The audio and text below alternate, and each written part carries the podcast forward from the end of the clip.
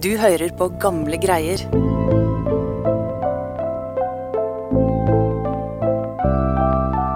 De fikk beskjed om at det var trygt å flytte tilbake til Låndalen på Vestlandet etter en grusom naturkatastrofe i 1905. Men ekspertene tok feil, og mange år senere skulle de igjen bli rammet av en ny ulykke som sjokkerte hele landet.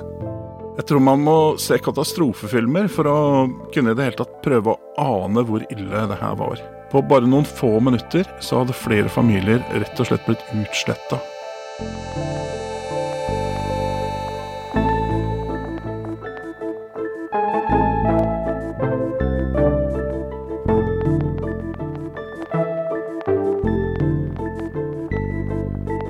Du hører på Gamle greier, en historiepodkast fra Nasjonalbiblioteket. Jeg heter Lars Hamren Risberg.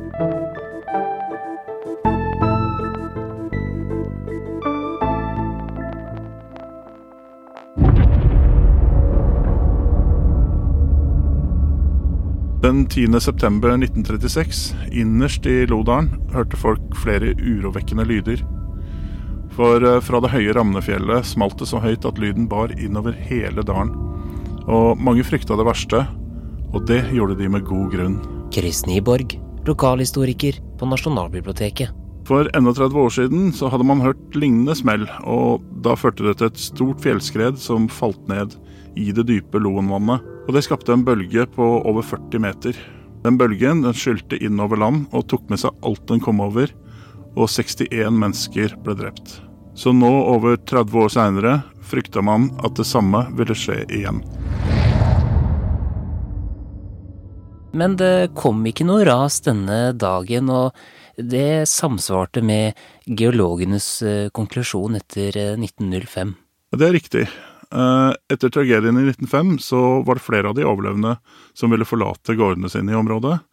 Men eh, geologer kom og undersøkte Ramnefjellet, og de konkluderte med at tragedien i 1905 kom ikke til å gjenta seg. Og da valgte de overlevende å bygge opp lokalsamfunnet sitt på nytt.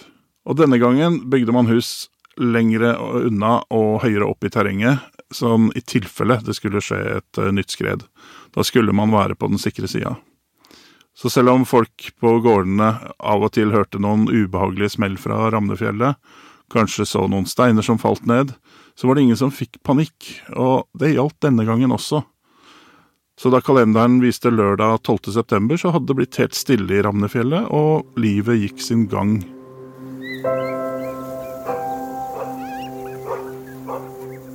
Det var en flott og varm høstdag. Rundt 16-17 grader varmt, og sola skinte over det vakre landskapet. Nede i dalen lå det flere gårder omgitt av mektige fjell, og fjellene speila seg i det lysegrønne Loenvatnet. Det, det var som et eh, levende nasjonalromantisk oljemaleri. Og da kvelden kom, så gikk eh, folk til hjemmene sine og spiste middag, og etter hvert så gikk man og la seg for å få en god natts søvn i påvente av en ny, fredelig og fin dag. Så var det sånn da, Chris, at eh, slik skulle det ikke gå, for eh, rundt klokken halv fem neste dag hørte man nye smell fra Ramnefjellet. Ja. Smellene folk hørte denne søndagsmorgenen fra Ramnefjellet, var mye høyere enn det som var to dager tidligere. Og så skjedde det noe veldig rart. For da det bråka som verst, så ble det plutselig stille. Helt stille.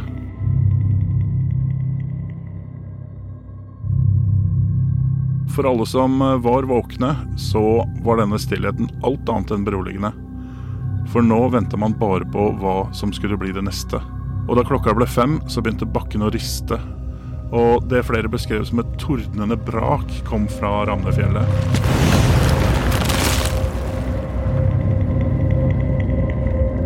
Og i det øyeblikket så forsto alle hva som hadde skjedd. Et nytt fjellskred var i gang i fjellet. En av dem som så det på nært hold, var en 14 år gammel gutt som het Wilhelm Bødal. Og flere år senere så fortalte han hva som nå utspilte seg. Det var et forferdelig brak, og det var vel ingen som kunne unngå å bli vekt av det. Og jeg lå i et rom som hadde glass imot selve Ramnefjell. Og våkna opp og hoppa ut av senga og fram til glasset. Og der så jeg plutselig at et helt flak glei ned slik. Omtrent som du skjærer en ost midt i to og slipper den. Og steinrøyken dreiv jo omkring, og dette gleid med en gnurende, forferdelig lyd ned langs fjellsida. Inntil det torna ned i den ura som lå igjen etter raset i 1905. Og dro med seg all steinen der med forferdelig brak ned i vannet. Og så reiste den da en kolossal bølge som skrumpla opp. De som så bølgen først, eh, de var ikke redde, for den eh, var egentlig ganske liten. Og da den begynte å bevege seg mot land, så tydde alt på at den, den kom ikke til å nå de husene som eh, sto i høyden. Men jo nærmere land den kom, jo større ble den på kort tid. Og til slutt så var den på over 70 meter, og den kom i flere kilometer i timen mot husene. Så kom et lufttrykk foran bølgen, og det var nærmest som et stormkast på en skikkelig uværsdag. Og det knaka i veggene.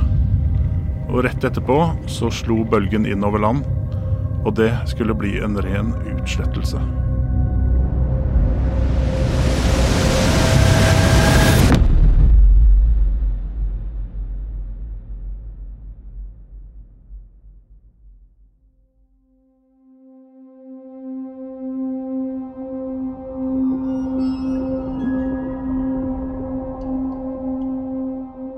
Jeg tror man må se katastrofefilmer for å kunne i det hele tatt prøve å ane hvor ille det her var.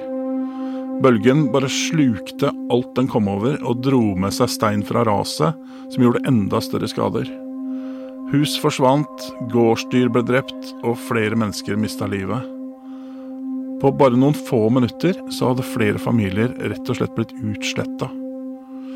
Og flere av de voksne som eh, døde nå, hadde vært barn i 1905 da den forrige ulykka skjedde.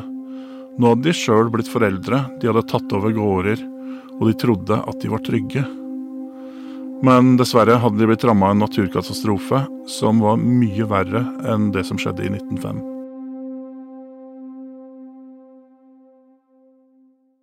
Etter hvert trakk vannet seg tilbake, og Krist var vel først da man virkelig så hvor omfattende ødeleggelser som hadde foregått i området? Det ble enda tydeligere, ja.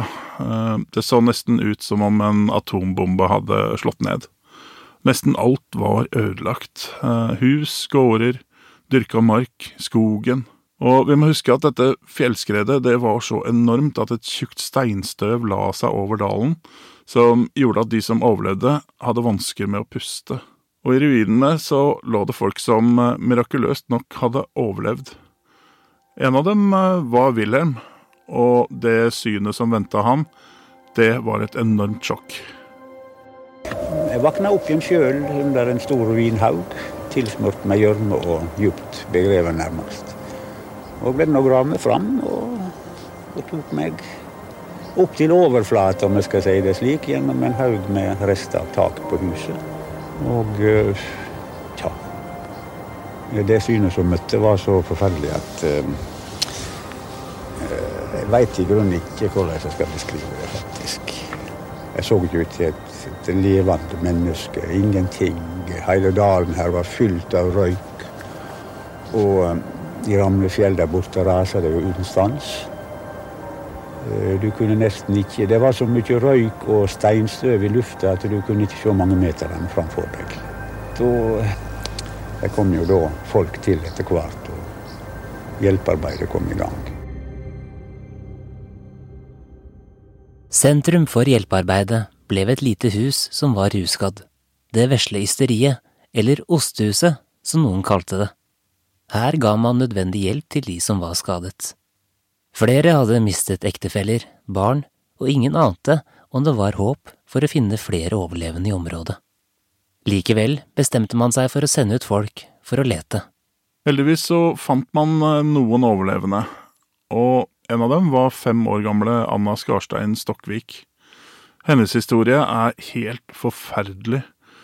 Før skredet så var hun del av en familie på ti personer, og etter noen minutter så var nesten alle borte. Bare Anna og ei av søstrene hennes overlevde skredet. Og mange år seinere så skulle hun som voksen gjenfortelle hva som skjedde denne septemberdagen i 1936.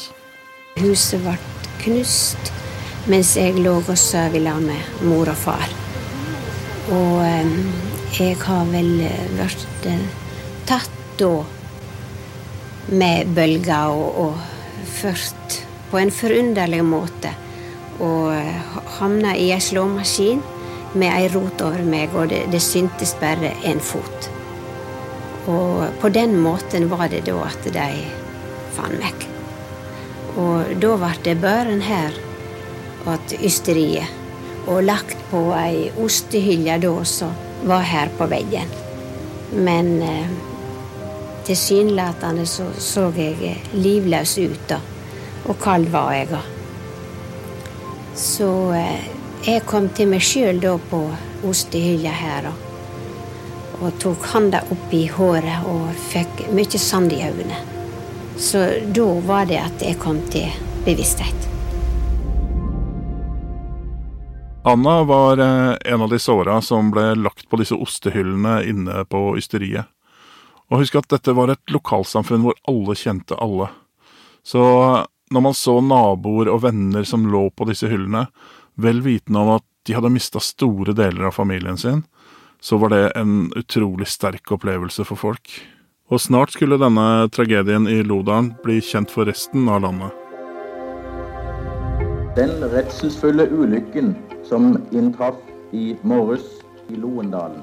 I dag er tallet på de omkomne 74. 74. Alt er i ruiner. Hvor store materielle skader eh, var det snakk om her? Det fikk man svar på ganske raskt, for eh, allerede seinere på dagen så kom det takstfolk for å regne på skadene. De kom til at det var skader for 500 000 kroner.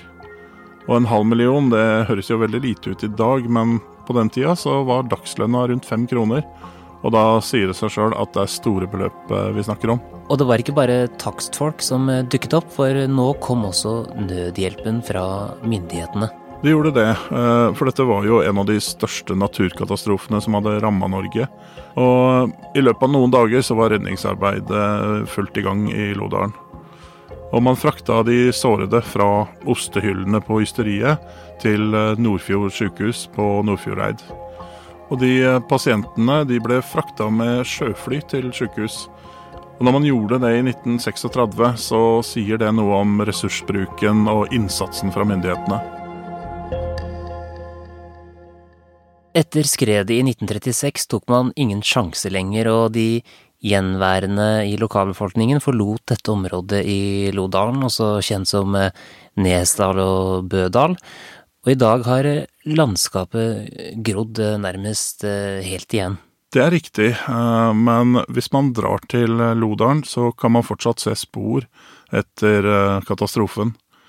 Det ligger et vrak av en turistbåt der. Den ble slengt på land i 1905, og i 1936 så ble den slengt enda lenger inn på land. Man kan se ysteriet, og så kan man se selve Ramnefjellet, med et tydelig arr der hvor skredet gikk. Og for alle som vet hva som skjedde i 1905 og 1936, så vekker nok stedet blanda følelser, selv etter så mange tiår. Jeg tror mange som har vært på norgesferie de siste åra og lagt ut idylliske bilder fra stedet på sosiale medier, kanskje ikke er klar over hvilke forferdelige ting det var som skjedde der. Loen-ulykka var en gang et nasjonalt traume. I dag så er det nok mer og mer et vagt minne.